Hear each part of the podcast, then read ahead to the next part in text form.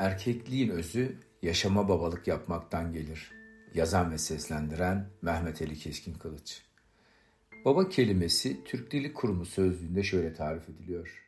Çocuğu olan erkek, çocuğun dünyaya gelmesinde etken olan erkek. Ancak baba üzerine ne şarkılar bestelenmiş ne filmler çekilmiş. Sadece bir kelime değil baba.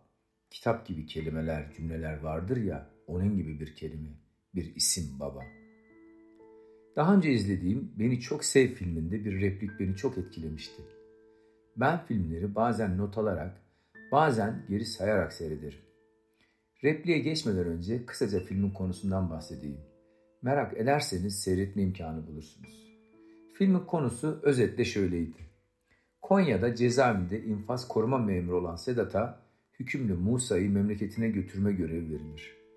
14 yıldır cezaevinde olan Musa, ilk defa eşini, annesini ve kızını görecektir. Ailesiyle, kızıyla bir gün geçirir. Bir şeylerden şüphelenir ve gerçeği öğrenir.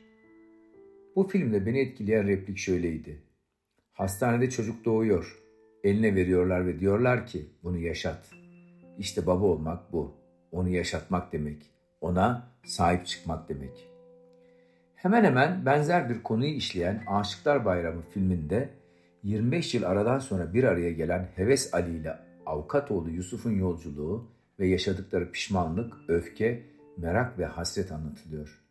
Bu filmden bir replikte ise baba dediğin zaten yarım kalmış bir kelimedir. Babalar hep yarım kalır diyordu.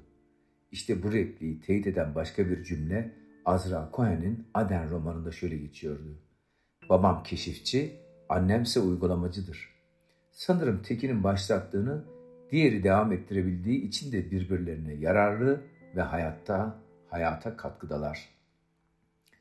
Azra Cohen, Gör Beni romanının bir bölümünde günümüzün en büyük sorunlarından biri olan kadına yönelik şiddet sorununun altını çiziyor ve baba olmayı tanımlıyor. Romanda ülke annesini taciz eden Rıza'ya tüfeğinin namlusunu doğrultup Rıza'ya büyük bir ders verir ve roman şöyle devam eder.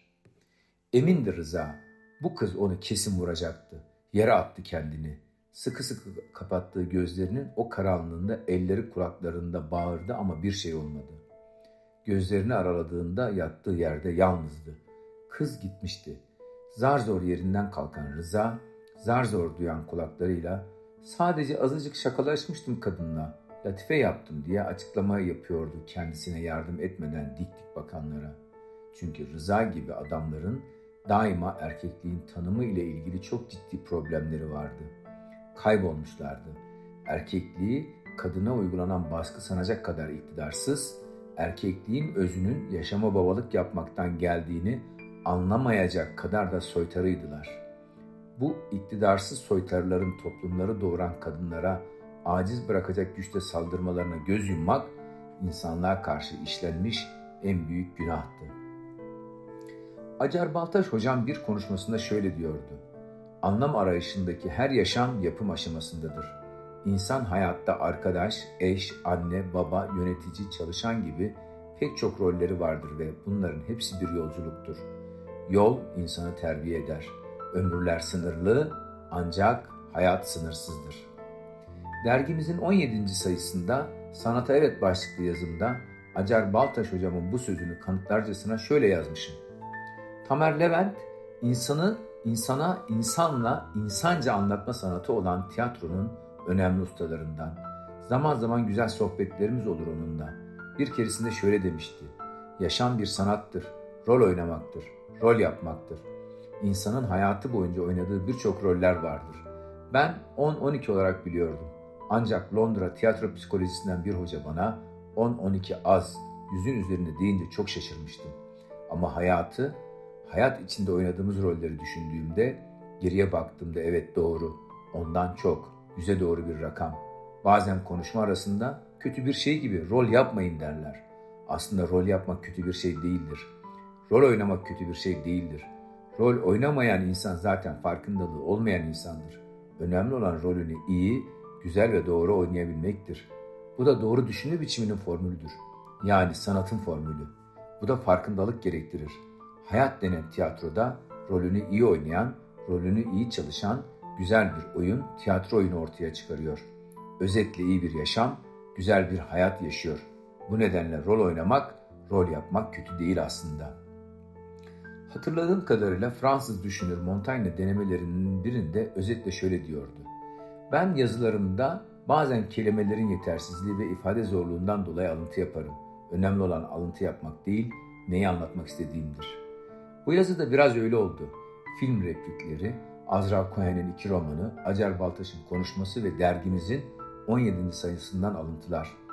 Özetle babayı bu şekilde anlatmaya, tanımlamaya çalıştım. Beni çok sev filminde baba olmak, onu yaşatmak demek, ona sahip çık ona sahip çıkmak demek idi. Aşıklar Bayramı filminde ise baba dediğin zaten yarım kalmış bir kelimeydi. Azra Cohen'in Gör Beni romanında ise erkekliğin özünün yaşama babalık yapmaktan geldiğini, Aden romanında ise Acar Baltaş hocamı teyit edercesine anne babanın birbirini tamamladığını ve böyle birbirine yararlı ve hayata katkı sunduklarından bahsediyordu.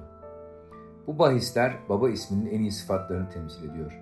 Evladı yaşatmak, ona sahip çıkmak, yarım kalmış bir kelime ve yaşama babalık yapmak ve hayata katkı sunmak. Ben iki kere baba olma mutluluğunu tattım. Allah tüm evlatlarımızın bahtını açık etsin. Anne babalar çocukların tahtını yapar, bahtını yapamazmış derler. Bahtı açık olsun hepsinin. 6 Şubat depreminde öksüz ve yetim kalanlara Allah yaşama sevinci versin. Onları unutmadık, unutmayacağız. Hep onların yanlarında olacağız. Anne olup da babalık rolünü de birlikte en iyi şekilde üstlenen annelere de burada yer vermemek olmazdı. Onların da önünde saygıyla eğiliyorum. Yaşama bir birey hazırlamak, evlat yetiştirmek, hayata katkı sunmak, emek, sabır ve çaba istiyor. Emeklerini, sabırlarını ve çabalarını alkışlıyorum. Bu yazı yayınlandığında yine anneler günü gibi buruk geçecek bir babalar günü geliyor.